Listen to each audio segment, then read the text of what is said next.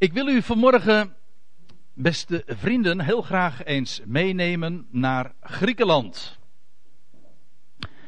Meer speciaal naar een plaats genaamd Filippi en dat ligt hier, daar waar de pijl naar wijst. Niet zo al te ver van het huidige Saloniki, in de Bijbelse tijd Thessalonica. Hier ligt dan Athene, hier ergens Korinthe. En we verplaatsen ons niet alleen maar in de ruimte, we gaan ons ook nog eens verplaatsen in de tijd. En dan gaan we ongeveer een kleine 2000 jaar, 19,5 eeuw terug in de geschiedenis in het jaar van onze Heer, het jaar 50 ongeveer. We kijken niet op een jaartje meer of minder. En daarvoor hebben we niet eens een tijdmachine nodig. Wij, gaan, wij stappen gewoon in Handelingen 26, vers 19. Ik zei Handelingen 26, maar ik bedoel Handelingen 16. Ja, en dat is een geschiedenis tijdens de tweede zendingsreis, zoals dat zo plechtig heet, van Paulus. En dat hij in Filippi was aangekomen, dat heeft al een voorgeschiedenis. Paulus was eerst bij een Lydia terechtgekomen, langs de rivier was daar een bijeenkomst. En toen krijg je ook nog een geschiedenis van een waarzeggende vrouw. Want ik val eigenlijk midden in het verhaal.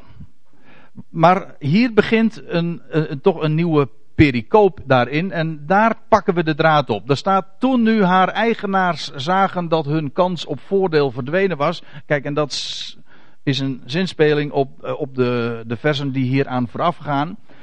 Je leest namelijk over een vrouw die een waarzeggende geest had. Een pythongeest staat er als, eh, als u een, eh, een correcte letterlijke vertaling hebt.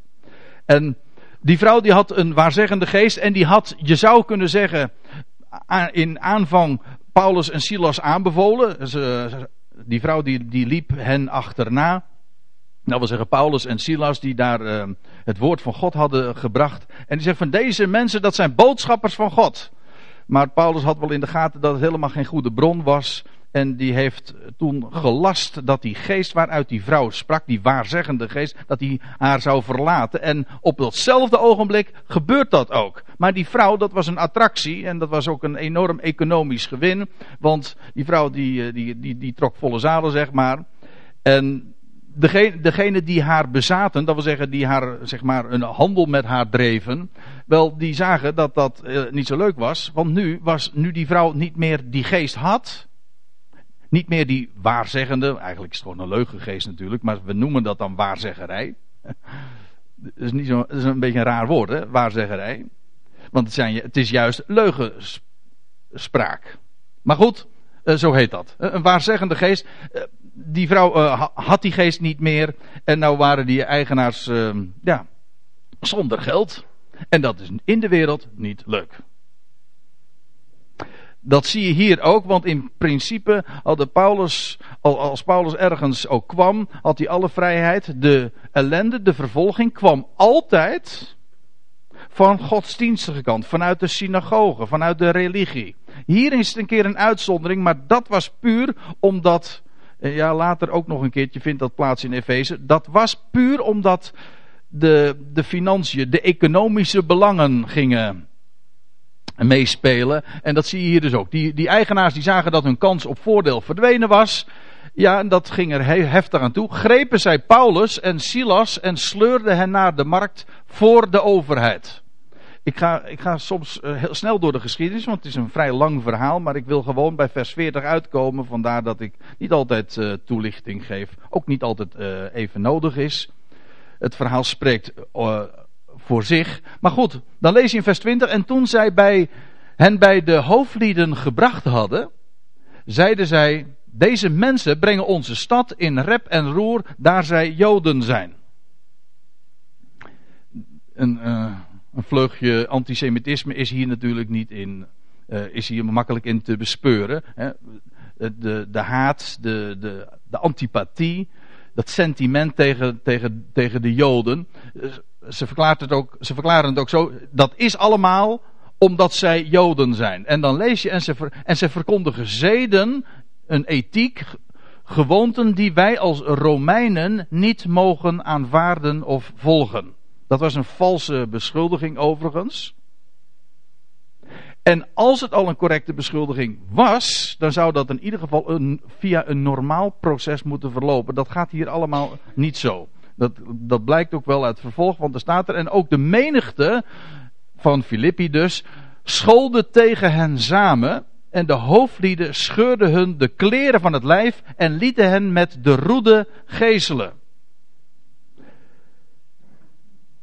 En na hun vele slagen gegeven te hebben, wierpen zij hen in de gevangenis met bevel aan de bewaarder hen zorgvuldig te bewaken. Ik zei al, dit was een, een compleet onterecht proces. Nee, het was helemaal geen proces. Wat hier gebeurt, dat was zo illegaal als maar kan. Dat zal later in de geschiedenis ook nog wel blijken. En dan worden de mensen die dit hebben gedaan, die het initiatief daartoe hebben genomen, ook ineens heel erg bang. Want Paulus was notabene zelf een Romein. En Silas was trouwens ook een Romein. Dit had echt niet gemogen.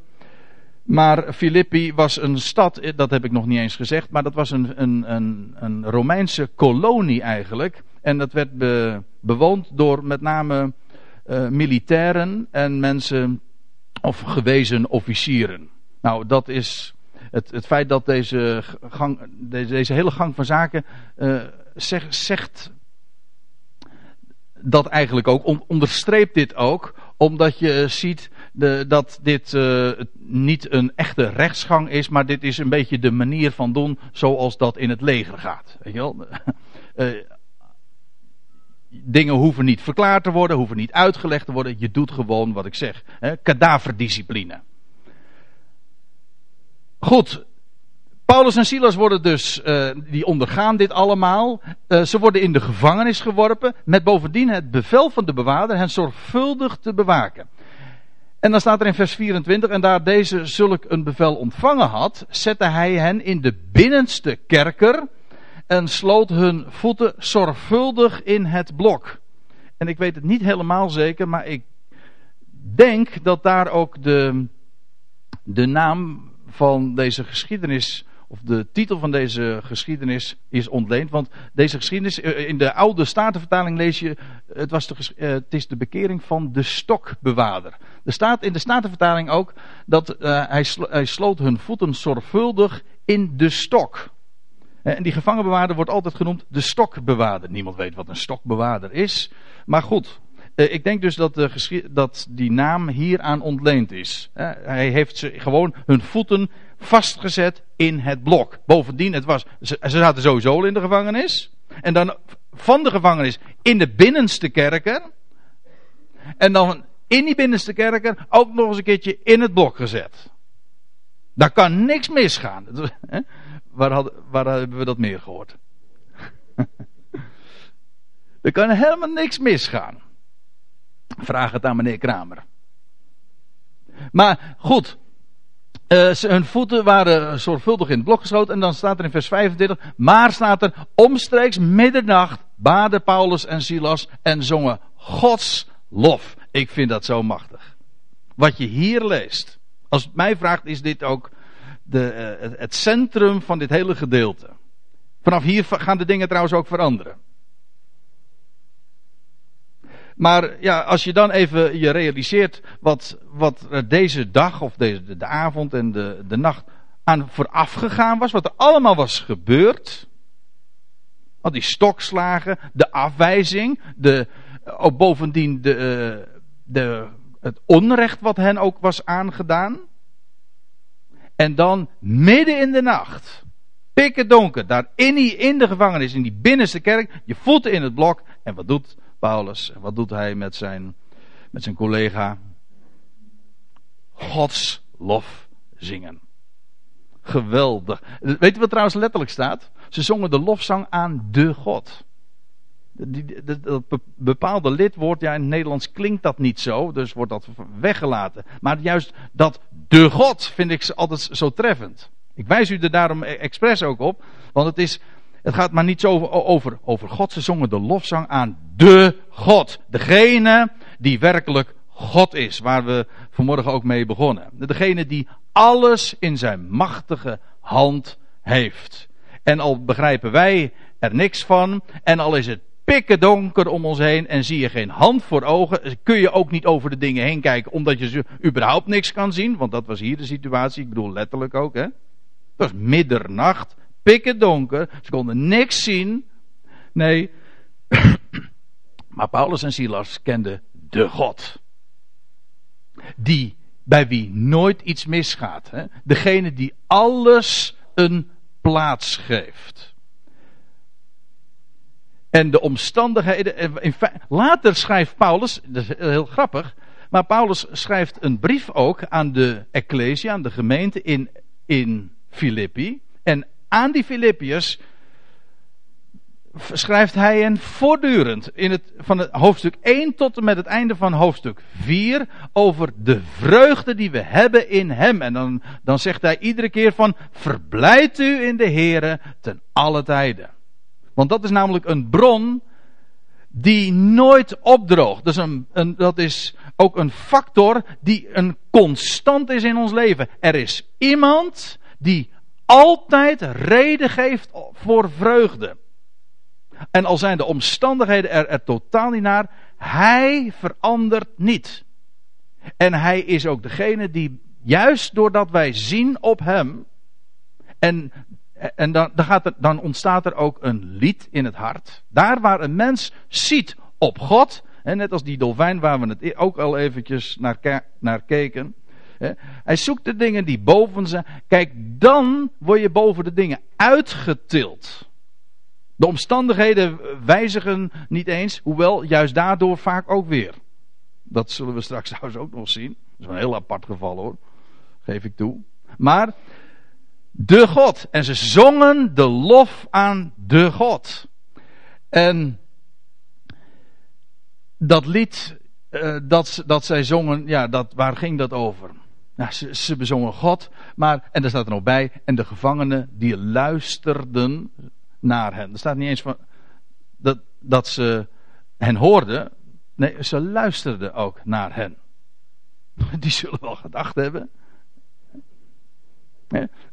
Juist ook, die wisten ook wat er allemaal was gebeurd. Wat daar hier aan voorafgaan waren. En dat daar dan twee kerels daar in het blok gezet worden. In die binnenste kerken. Nadat ze gegezeld zijn. Dat zij gewoon Gods lof zingen. Is dat onrealistisch? Ja, misschien wel. Maar het, is gewoon zo gegaan. En dan gebeurt er ook wat. Ik moet er trouwens ook nog bij zeggen: dit is feitelijk een schitterend plaatje van de tegenwoordige tijd. In de tegenwoordige, om dat uh, eventjes plechtig te zeggen, zoals, de, zoals dat in Efeze 3 ook genoemd wordt, in de huishouding van de genade.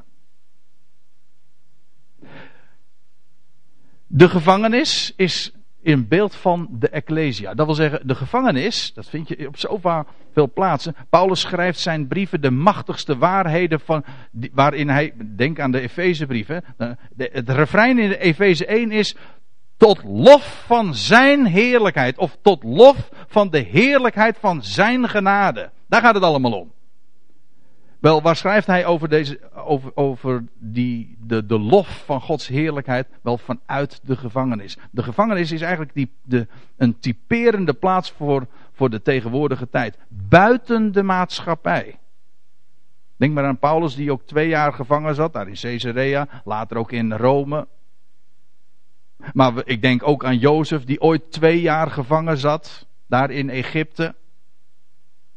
En wat deed hij in die gevangenis? Hij verklaarde geheimenissen, verborgenheden, dromen. Mensen kenden de betekenis daarvan niet, maar Jozef verklaart ze. Verborgenheden, geheimen worden onthuld. Een schitterend type, de gevangenis. Kijk, in deze tegenwoordige tijd regeert God in genade. En daar wordt, van zijn koninkrijk wordt niks gezien. En de Ecclesia is in deze wereld ook helemaal niet in tel. Sommige mensen willen daar veranderingen in aanbrengen en richten politieke partijen op, weet je wel, om de, om, om de, de zee te profileren in de maatschappij. Maar daar gaat het niet om. Die zee hoort zich niet te profileren in de maatschappij. Die zee die profileert zich juist buiten de maatschappij. Juist door. We zijn in deze wereld niet in tel. Wij vertellen het de boodschap aan wie het maar horen wil. Maar u moet niet denken dat we door de, door, door de boodschap uit te dragen, dat, dat wij daarmee invloed zouden uitoefenen of de, in de wereld of de wereld zouden verbeteren. Dat koninkrijk komt straks. Straks. Namelijk, laat ik het anders zeggen. Weet u, het is nacht. Het is nacht. En dat betekent dat het licht is afwezig en wij wachten op het moment dat de zon zal opkomen. De zon der gerechtigheid. Kijk, en dan wordt het dag in deze wereld en dan gaat alles veranderen. Dan zal de maatschappij, de hele volkerenwereld daarin gaan delen. Nu is het nacht. En nu staan wij buiten de maatschappij. We zijn niet in. Zo hoort het ook. Dat is karakteristiek voor de tijd waarin wij leven. In de gevangenis. Het is nacht. En bovendien staat er dan nog bij die gevangenen die luisteren naar Paulus. Nou, dat is inderdaad typerend ook voor de Ecclesia, de gemeente in onze dagen. En waar luisteren we dan naar? juist in deze tijd, nou naar die, naar die apostel die God speciaal voor deze bedeling, voor deze huishouding heeft gereserveerd. In deze tijd luisteren we naar Paulus en waar, waar spreekt Paulus over? Of laat ik het anders zeggen, niet waar, waar spreekt hij over? Waar schrijft hij over? Maar eigenlijk is het zo, waar zingt hij over? Want het is eigenlijk gewoon één grote jubelzang. Namelijk de lof van Gods heerlijkheid. Hij zingt over Gods lof. En ja, wat, wat maakt die tekst van alles wat Paulus heeft opgetekend, wat maakt dat tot muziek? Ja, we zeggen dat ook wel eens. Hè? Het klinkt als muziek in de oren. Er zit inderdaad muziek in. Het, het, het, het resoneert in ons hart. Er, er er ontstaat ook een lied in het hart op het moment dat je je gaat realiseren, ja, er is een God en hij heeft een plan der eeuwen en hij gaat dat realiseren. Sterker nog, hij die gekomen is en zijn leven heeft gegeven en die opstond uit de dood, hij is inmiddels daar en wij zijn in hem geplaatst en het gaat allemaal volgens de raad van zijn wil. Kijk, dat zijn de dingen waardoor een mens veranderd wordt, waardoor er een lied in het hart ontstaat. Dat was bij Paulus zo en hij heeft erover gezongen en wij luisteren naar hem. En wij zitten als het ware bij hem ja, buiten de maatschappij. Het is nacht, allemaal tot je dienst. En er zijn een heleboel redenen waarom, je waarom je misschien het kopje zou laten hangen. En het niet meer ziet zitten, want het is zo donker, weet u wel. Jawel, maar kijk omhoog. Er is iemand die de God is. En die lof kun je zingen. En dan gebeurt er altijd wat. Dat is, heel opmerkelijk. Dan moet u ook maar eens een keertje vragen anders aan die mensen die rond Jericho riepen, eh, liepen. Dertien keer. Ongeluksgetal volgens de mensen. Maar ze liepen er dertien keer omheen. En wat gebeurde er? Op een gegeven moment gingen ze jubelen tot Gods eer. En wat gebeurt er? De muren vielen om. Rome de Bom. Toch? En dat was, gek genoeg was dat hier trouwens ook zo. Want wat lees je? Ik, ik, ik ga door in die geschiedenis. Nog plotseling kwam er een zware aardbeving. Toevallig natuurlijk, hè? Want een aardbeving kan. Ja, we weten allemaal. De laatste tijd gebeuren er, vinden er heel veel aardbevingen plaats. Gisteren nog weer in Chili. En ik heb begrepen dat er uh, nog weer een paar in Zuid-Amerika overheen gekomen zijn. In Nieuw, uh, waar was het? Naar Suriname. Nou ja. Guyana, ja, precies. Vinden vele aardbevingen plaats. Toen ook. Plotseling was er een, een, zware aardbeving, staat er, zodat de grondvesten van de gevangenis schudden. Jawel, en dan staat erachter, en terstond gingen alle deuren open en de boeien van alle raakten los. Dat was het wonder. Dus, ja, ik, de, de, de, hele context waarin het staat, maakt het zo opmerkelijk. Kijk, een, een aardbeving is geen wonder, maar juist dat het net toen plaatsvond. En dat zij de lof van Gods zingen. En dat de gevangenen ineens in vrijheid zijn. Want daar komt het op neer. De boeien van allen raakten los en de deuren gingen open. Dus het was een gevangenis, maar feitelijk waren ze ineens allemaal vrij. Dat is het idee. En, dan, en ja, tot, uh, niet tot ieders vreugde, want wat lees je dan in vers 27? En de bewaarder, uit zijn slaap opgeschrikt, zag de deuren van de gevangenis openstaan. En dan lees je, hij trok zijn zwaard en hij was op het punt zelfmoord te plegen in de waan dat de gevangenen ontsnapt waren. Er was hem juist nog gezegd, ex, expres gezegd, dat hij moest zorg dragen. We hadden dat al zojuist gelezen. Dat hij speciaal zorg moest dragen voor die Paulus en die Silas. Nou, hij ziet, hij ziet dit gebeuren. Hij ziet die deuren van de gevangenis, die waren open geraakt. En die gevangenen, die konden er zo uit. Nou, dat zou ook het einde betekenen van zijn leven. En hij, om dat te voorkomen dat ze aan hem, ehm, aan, dat ze hem zouden executeren op een niet zo vriendelijke manier, want zo ging dat in die dagen niet. Heeft hij, hij, zag het, hij zag het dus totaal niet meer zitten. Hij was, stond op het punt zelfmoord te plegen. Want het was namelijk zo dat de gevangenenbewaarder verantwoordelijk was met inzet van zijn eigen leven voor het lot van de gevangenen die hij moest bewaren. Nou, en dan lees ik verder. Maar Paulus die riep met luide stem: Doe uzelf geen kwaad, want wij zijn allen hier. Dat wil zeggen, alle gevangenen zijn gewoon hier. En hij liet licht brengen hij sprong naar binnen en hij wierp zich bevende overal zijn leden voor Paulus en Silas neer. Die man die was totaal van de kaart en in shock. Hè, dat bedoel ik ja, letterlijk en figuurlijk. Hè. Zulke schokkende dingen die gebeurd waren. En, en hij beefde. Hij beefde dus ook nog, steeds van die schok natuurlijk. Uh, voor, en en hij, hij werpt zich voor Paulus en Silas neer. En dan staat er en hij leidde hen naar buiten. En hij zeide: Heren, eh, tegen Paulus en Silas: Wat moet ik doen om behouden te worden? Ja, als u nou een statenvertaling hebt. Ik moet hier toch even op ingaan. Als u nou een statenvertaling hebt, dan wordt het heel gekleurd weergegeven. Uh, er staat: uh, Lieve heren. Nee, dat lieve, dat staat er sowieso niet. Uh, maar goed. lieve heren, wat moet ik doen opdat ik zalig worde? Kijk, dat woord zalig is meteen al zo ingekleurd. Dat, dat, er wordt hier een woord gebruikt dat betekent gewoon een redding. Bij zaligheid denken we meteen van in de hemel komen, aan het hiernamaals. Uh, niet verloren gaan, maar behouden worden. Ook bij ons heeft de, de, de, klank per definitie van uh, gered worden voor de eeuwigheid, niet in de hel komen. Nou, ik zal u dit vertellen, daar dacht die gevangenbewaarder helemaal niet aan die was, die beefde, niet om uit angst voor de hel of zo, maar die man die was bang dat hem het leven ontnomen zou worden door de Romeinse overheid. Dat hij, het was een misdaad dat hij begaan had, namelijk hij had zijn gevangenen niet bewaard. Hij stond op het punt zelfmoord te plegen in de waan dat de gevangenen allemaal weg waren. Daar was hij bang voor. Daarom beefde hij. En dus hij roept, wat moet ik doen om gered te worden? Niet uh, in, in de zin van zalig of zo, met, met, met, met die christelijke bijsmaak. Nee, in het Grieks is het woord, ja, sowieso.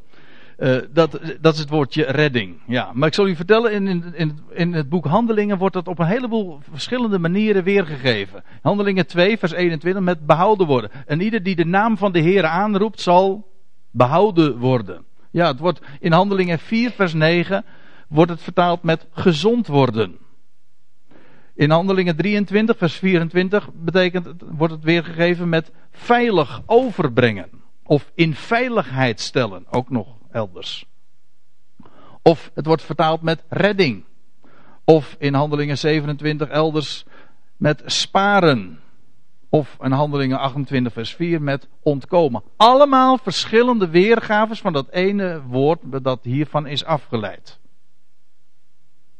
betekent redding. En dat redding afhankelijk van de context. Kijk, iemand die ziek is en die gered wordt, die wordt genezen. Dat is herstel. Hè, die wordt gezond. Maar iemand die in, um, in, een, in een schip zit dat dreigt ten onder te gaan en gered wordt. ja, die wordt in veiligheid gebracht. dus het is helemaal afhankelijk van, van de samenhang, van de context, wat dat woord betekent. Maar het betekent gewoon letterlijk redding. Dus die man die vraagt, hij beeft en hij, hij, werpt zich voor Paulus en Silas neer. Wat moet ik doen om gered te worden? Nu, in, nu dit gevaar mij dreigt. En dan, en dan zegt uh, zowel Paulus als Silas. Stel je vertrouwen, of letterlijk zijn eigenlijk geloof. Maakt me niet zoveel uit, want geloven betekent namelijk niks anders dan je vertrouwen stellen op. Geloven is niks anders dan vertrouwen.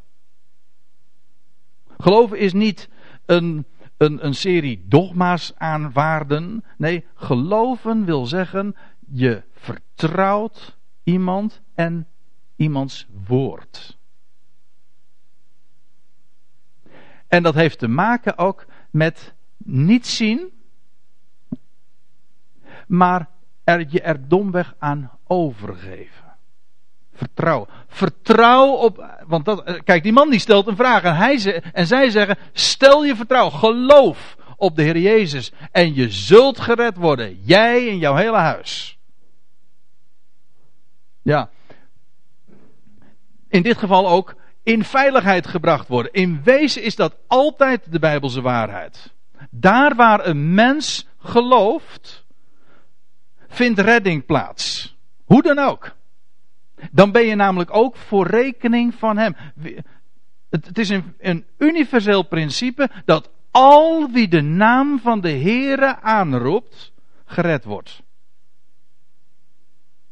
Ik weet dat sommigen die, die, die, zien, die vertellen dat wel eens in mijn ogen verkeerd. Die zeggen dan van ja, als je eenmaal zicht hebt gekregen op de waarheid, de Bijbelse waarheid, het ABC van het evangelie, namelijk dat God de redder is van alle mensen, dan zeggen ze, ja, het is geweldig als je, als je dat zicht mogen hebben, maar dan wordt het verkeerd weergegeven. Dan zeggen ze, ja, het evangelie houdt in dat de hele wereld gered is. Nee, dat, dan zeg je het niet correct. Dat zo zegt de Bijbel het niet. God zegt van zichzelf dat hij de redder is van deze wereld. Dat betekent dat hij de wereld redt. Maar hoe redt hij de wereld? Door hen tot vertrouwen, tot geloof te brengen, tot erkenning van hem, zodat ze zijn naam aan gaan roepen. Hij, hij is de redder van de wereld, dat betekent hij redt de wereld, maar hoe redt hij de wereld? Wel door, door de mensen, individueel of als volk, dat maakt me nu even niet uit, maar hoe redt hij? Wel door tot erkenning te brengen. Ik vind het eh, belangrijk om dat zo te zeggen, want je kunt soms de tegenstanders van de, de waarheid van het evangelie, dat, dat hij werkelijk alles tot een goed einde gaat brengen, kun je in discrediet brengen door, door je mond voorbij te praten. dan hoor je, ik heb het wel eens zo gehoord van, ja, het evangelie is, alle mensen zijn gered, alleen ze weten het nog niet. Ik begrijp de bedoeling, maar het is niet zoals de Bijbel zegt. De Bijbel zegt, hij is de redder van allen. En dat prediken we. En, en dat, het gaat er ook om dat we dat zouden geloven. Maar hoe wordt een mens gered? Wel door geloof. Ja. En eh, hier is het ook zo. Stel je vertrouwen op de Heer Jezus en je zult gered worden. In welk opzicht ook, want dan op het moment namelijk dat je je overgeeft aan Hem, ben je voor Zijn rekening. Ik bedoel niet alleen maar in die zin dat je voor de, de, de komende Ionen, uh, dat je tot de Ecclesia behoort en dat je voor de komende Ionen tot zijn lichaam behoort en, en een geweldig uh, taak nog krijgt in de hemelse gewesten. Allemaal dat soort dingen. Maar ook gewoon nu bedoel ik. Hij neemt namelijk de zorg van je af, want hij zorgt voor je. En hij voorziet in jouw behoeften. En geeft je thuis, juist op die wijze ook zijn vrede, zijn vreugde. Dat garandeert ook in die zin welzijn, vreugde. Namelijk, je wordt boven de dingen uitgetild. Precies zoals dat Paulus ook. Paulus, het zat hem niet mee. Het zat hem niet mee. En toch, midden in de nacht zingt hij Gods lof. Kijk, dat is, dat is redding. Maar wat er dan vervolgens ook gebeurt, hè. En, en wat hij ook tegen deze, tegen deze man, die in, in grote nood daarvoor hen, hen ligt. En wat hij dan zegt: geloof in de Heer Jezus en je zult gered worden, jij en je huis. Dat laatste kom ik nog even terug. Want uh, er staat dan vervolgens in vers 32 nog. En zij spraken het woord Gods tot hem uh, in tegenwoordigheid van allen die in zijn huis waren. Ja, wat is dat huis? Dat is een beetje lastig hoor. Meestal wordt er gedacht aan zijn huisgezin. Dat kan. Maar wat is nou het huis van de gevangenbewaarder? ja, de, de, eerste gedachte die ik dan heb is, dat is gewoon het huis van bewaring. Hm? Gewoon, ah, dat is die gevangenis. Dat is een hele huis. Maar het maakt me eigenlijk niet zoveel verschil, want we hadden al gezien dat die gevangenis feitelijk een beeld ook is van, van, de, van de Ecclesia. In ieder geval, zo staat het er. Het wordt ook verder niet nader uitgelegd. Allen die in dat huis waren, wel zij horen het woord van God. Kijk, u moet zich realiseren. Die gevangenbewaarder wist van toeten nog blazen. Hij stelt een vraag aan die man, aan, aan Paulus en Silas. Hij had wel in de gaten dat het hele bijzondere mensen waren.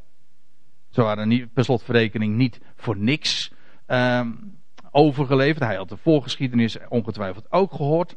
Maar goed, die man die, die, die lag te slapen en wordt, wordt ineens opgeschrikt.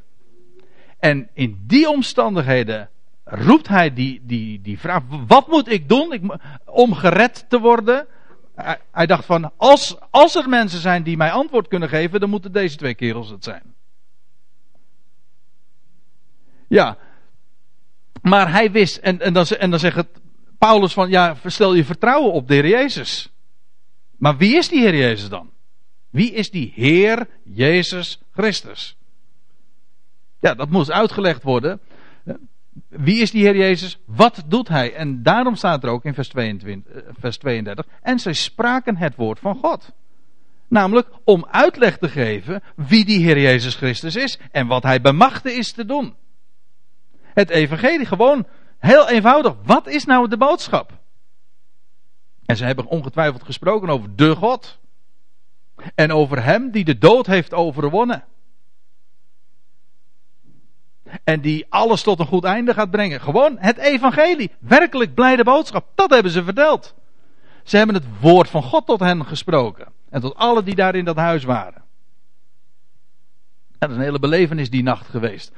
En in datzelfde uur staat er daar nog van de nacht. Nam hij hen mee om hun striemen af te wassen. Want ja, dat was nog maar een paar uur van tevoren gebeurd. Ze hadden vele stokslagen gekregen. Ze waren gegezeld. Dus hun ruggen en hun, uh, hun lichaam was dat onder de striemen en onder dat gestolde bloed. En hij was dat van hen af. Dus uh, het hele. Er vindt een complete omkering daar plaats. En dan staat er. En hij liet zichzelf en al de zijnen terstond dopen. Ja, nou, dat is een NBG-invulling. NBG bedoel ik de Bijbelvertaling. Zoals de meesten hem waarschijnlijk nog steeds zullen gebruiken. Dit is niet zoals er staat. Dit is wat men ervan gemaakt heeft. Weet u wat er letterlijk staat? Dit. En hij werd terstond gedoopt en al de zijnen. Kijk, bij hij liet zichzelf dopen, dan denk je meteen aan. Ja, ja oh, er was ook nog water, dus ja, dat moet dan wel in water gedoopt zijn. Ja, dat denken wij meteen aan. Wij denken bij doop meteen aan water. Maar ik moet u dit zeggen. Dat is niet de echte doop, de christelijke doop. Nee, ik kan dat. Uh, ik ga dat nu niet uitgebreid uh, aantonen. Maar ik zou, het zou de moeite waard zijn om dat te laten zien. Het wordt altijd gezegd: de christelijke doop, dat is een waterdoop. Dan zeg van dat is absoluut niet het geval. In het boek Handelingen vind je dat ook iedere keer terug. Er staat: Johannes die doopte in water. Maar gij zult in Heilige Geest gedoopt worden. Of Johannes zei het zelf al. In de alle evangelieën vind je het iedere keer weer terug. Dat Johannes dan daar in de Jordaan doopte, maar hij wees vooruit. En hij zei, ik doop je in water, maar hij die na mij komt, zijn eigen neef, die een half jaar jonger was. Hij die na mij komt, die zal u dopen in Heilige Geest. Mijn doop is een doop in water, maar de doop van hem die na mij komt, de Christus, dat is niet een doop in water. De doop in water is slechts een type daarvan. En, Johannes heeft daar het volk gedoopt. Later in het boek Handelingen lees je trouwens ook dat de twaalf en Petrus ook nog de vreemdelingen in de poorten dopen. De Samaritaan, ook een Cornelius, die godvrezende man daar in, uh, in Caesarea. Maar het volk werd gedoopt in water. En er wordt hier niet gesproken over, over waterdoop. Het wordt niet uitgelegd. Ik kan het dus ook niet aantonen. Maar de vanzelfsprekendheid, die wil ik u in ieder geval afnemen. Van, oh, er wordt gesproken, hij werd gedoopt. Oh, dan werd hij dus gedoopt in water. Dan zeg ik, dat is nog maar de vraag. En eerlijk gezegd, als ik Paulus' brieven ken, dan moet ik zeggen, dan slaat de, dan slaat de wijze toch echt deze kant op hoor. Het gaat, zij werden gedoopt.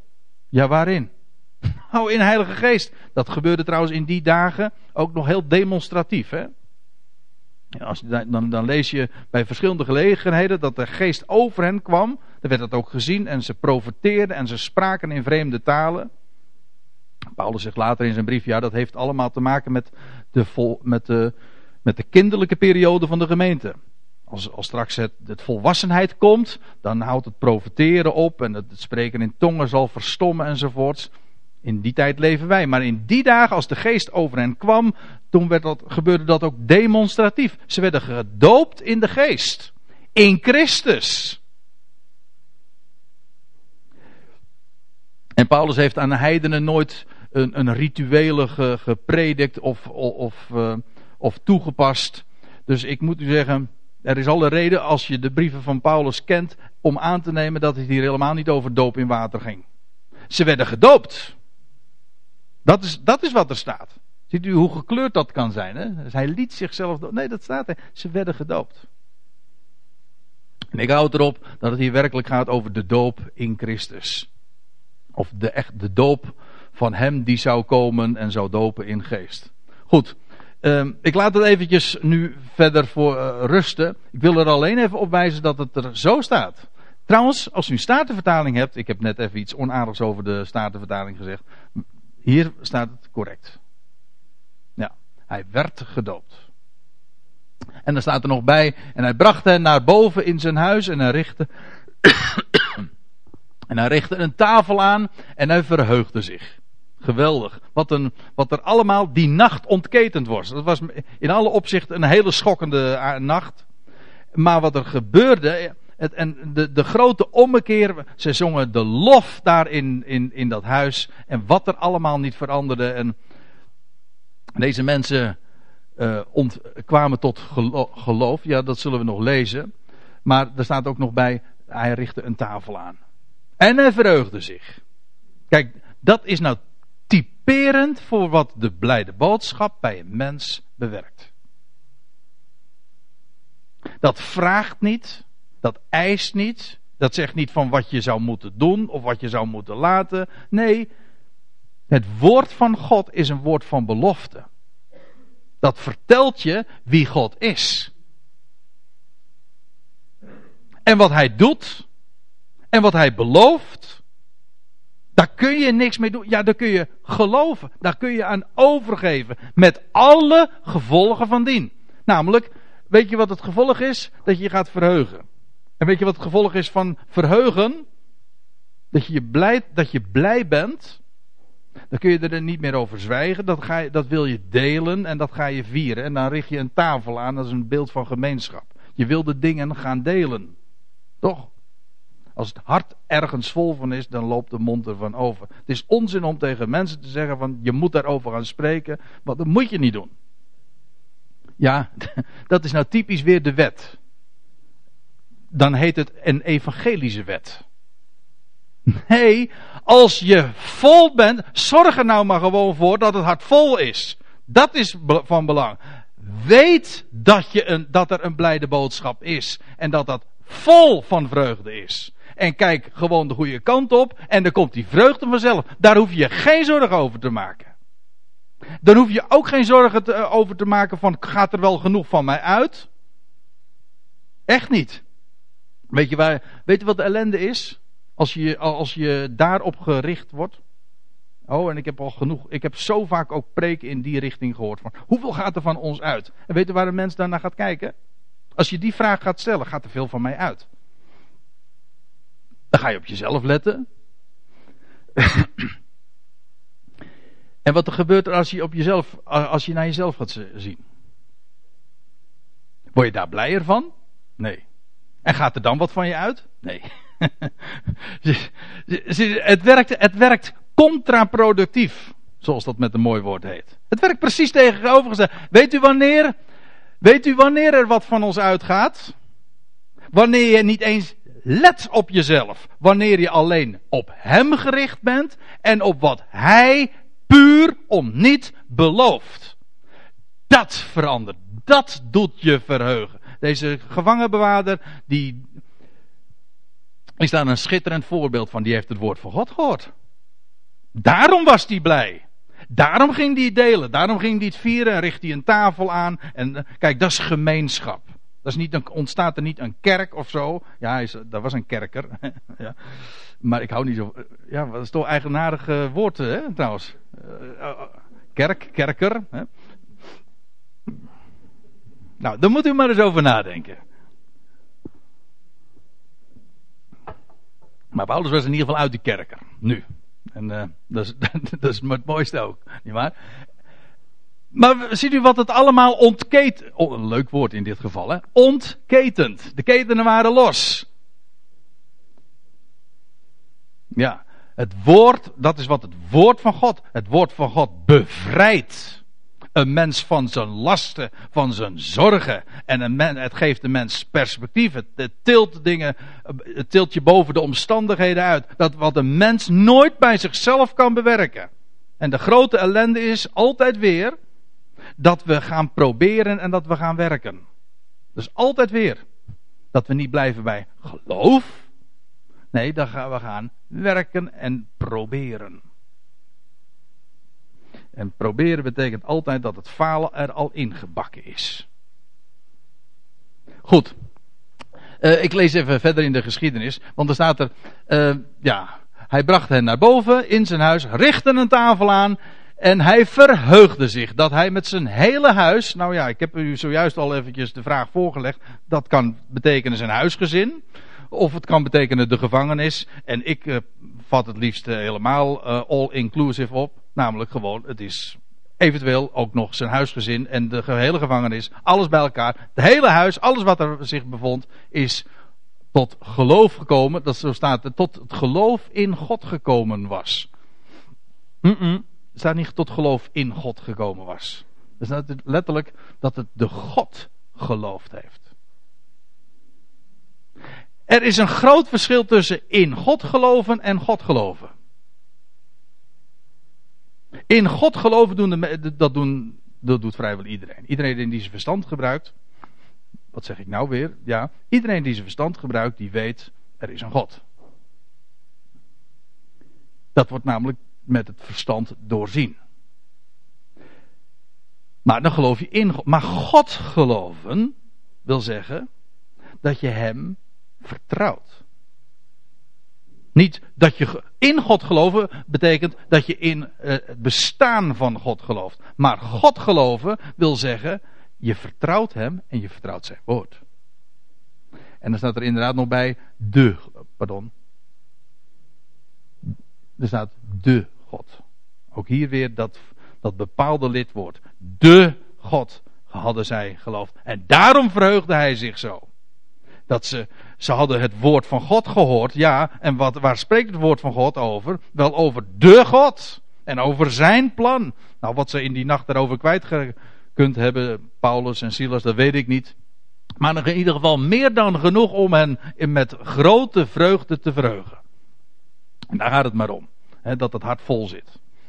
En dan staat er nog bij, en toen het dag was geworden, zonden de hoofdlieden, de gerechtsdienaars, om te zeggen: laat die mensen vrij. Want waarschijnlijk zijn ze tot inzicht gekomen dat wat er gebeurd was niet kon. Dat dat tegen alle ook uh, regels van het Romeinse recht inging. Dus die, er werd nu verordend: laat die mensen vrij. En de bewaarder deelde dit bericht aan Paulus mede. Dat was eh, voor Paulus een goed, voor Paulus een goed bericht. Hè? Maar ongetwijfeld voor die bewaarder ook. De hoofdlieden die hebben doen weten dat gij moet vrijgelaten worden. Vertrek dan nu en ga heen in vrede. En dan zegt Paulus, vers 37, maar Paulus zei tot hen, zij hebben ons, hoewel wij Romeinen zijn, zonder vorm van proces in het openbaar gegezeld en in de gevangenis gezet. En willen ze ons nu ongemerkt uitzetten? Geen sprake van. Laten ze zelf komen en ons eruit leiden. Hm. Dat noemen ze assertief optreden. Hm? Ja, Paulus die liet zich, uh, uh, nou die heeft heel wat over zijn kant laten gaan. In wezen wat er nu ook gebeurd was, dat was grof onrecht. Maar nu deze gang van zaken zich aandiende, zegt Paulus van geen sprake van. We zijn Romeinse uh, burgers. Want Paulus was weliswaar een Jood, maar hij was ook, hij je leest dat verschillende keren in het boek Handelingen. Hij was het Romeinse burgerrecht deelachtig. Hè? Dat bezat hij. En nou zegt hij, laat ze zelf komen. Want kijk, dat was niet in zijn eigen belang in de eerste plaats. Maar met deze publieke erkenning zou de Ecclesia, die gemeente daar in Filippi, in het vervolg ook met rust worden gelaten. Dan stel je voor dat Paulus inderdaad eh, weg uh, vertrokken was, hadden ze alsnog die, die magistraten of de, die, die, die, die hoofdlieden daar in Filippi, alsnog dat die gemeente moeilijk kunnen maken. Maar nu met deze publieke erkenning, hè, als ze inderdaad zouden komen en Paulus en Silas vrijgeleide zouden geven, konden ze zich dat niet meer permitteren. Zodat de gemeente daar ook nu uh, ook een stil en gerust leven zou hebben. Nou ja, en de bode die brachten deze woorden over aan die hoofdlieden. En deze werden toen bevreesd toen ze hoorden dat het Romeinen waren. Want het was sowieso al illegaal, de hele gang van zaken. Maar nu ze vernamen dat Paulus en Silas, die zij gegezeld hadden, zonder vorm van proces, ook nog eens gegezeld hadden en in de gevangenis hadden geworpen. Ja, nou werden ze heel erg bang. Want nou waren zij feitelijk degene die reden hadden om bang te worden. Paulus en Silas hadden hen een proces kunnen aandoen. Nou, zo gaat het niet. Het ging er niet om dat Paulus op zijn recht stond. Het ging erom dat Paulus een doel voor ogen had, namelijk om de gemeente ook hierin te dienen. Afijn. Uh, zij hoorden dus dat het Romeinen waren, en dan lees je in vers 39. En ze kwamen het hun verzoeken. En toen zij hen de gevangenis uitgeleid hadden, vroegen zij hun de stad te verlaten. Die vraag had, durfden ze dan toch nog wel te, te stellen. En dan zou de rust in Filippi weerkeren. Dus die hoofdlieden die zijn inderdaad naar de gevangenis gegaan en hebben Paulus en Silas uitgeleid aan publiek. En met het vriendelijke verzoek de stad te verlaten. dus een complete omkering van, van zaken. En dan lees je nog in, eh, tenslotte in vers 40. En uit de, gevangenis gekomen gingen zij naar Lydia toe, waar ze al eerder, eh, waar ze de vorige dag nog geweest waren. En ook het huis van Lydia was trouwens tot geloof gekomen. En dan staat er, en ze zagen de broeders en spraken hen bemoedigend toe en vertrokken. Moet je even opletten. Spraken hen bemoedigend toe. Je zou zeggen dat Paulus en Silas, dat nu dit alles hebben meegemaakt, dat die bemoedigd moesten worden. Nee, Paulus en Silas gaan naar het huis van Lydia en spreken hen bemoedigend toe. Ah, het maakt eigenlijk ook niet uit. Weet u wat het is? Er is zoveel woord, uh, zoveel woord van bemoediging. Je kunt elkaar daar altijd blij mee maken. En Paulus, in welke omstandigheden hij ook zich bewoog, hij heeft inderdaad dat, dat hij kende dat oriëntatiepunt. En daar richtte hij zich op en dan is het, was het pikken donker. En dan was hij in de kerker, in het blok. Was hij voor het blok gezet, in het blok gezet. Ja, maar dan nog. Hij kende, hij kende de heerlijkheid van God en daar was een lied in zijn hart. En dan, en dan gaat dat zingen. En daarom, die dag daarna, hij bemoedigt hen. Ja. Want weet u, ja, waarom nou dit halve lege glas? Of is het een half vol glas? Kijk, degene die gelooft, die ziet dat halve volle glas. Want je weet namelijk dat de minnen die wij in dit leven zien, zijn geen minnen. Het zijn plussen die nog niet af zijn. Daardoor leven wij in dezelfde wereld als wie dan ook. Pessimisten, mensen die totaal niet meer zien zitten. Wij zien dezelfde dingen. Maar als je in geloof kijkt, dan, zie, dan leef je in wezen toch in een compleet andere werkelijkheid. Want je ziet, je ziet geen half leeg glas, je ziet een half vol glas. Je ziet namelijk dat God gaat de dingen tot volheid brengen. Hij is nog niet klaar. Het is nog niet af. Hij is bezig. En hij gaat alles wat zich nu nog als negatief voordoet, hij gaat het allemaal een plus van maken. Kijk, dat is in geloof tegen de dingen aankijken. Daardoor kun je ook bemoedigen. Als je de God kent en die alles een plek geeft en alles tot een goed einde gaat brengen. En dan kun je elkaar ook bemoedigen en kun je net als die, die uh, gevangenbewaarder zo verheugd zijn met heel je huis. En ik stel voor dat we daar ook, dat ook wij daarvan gaan zingen.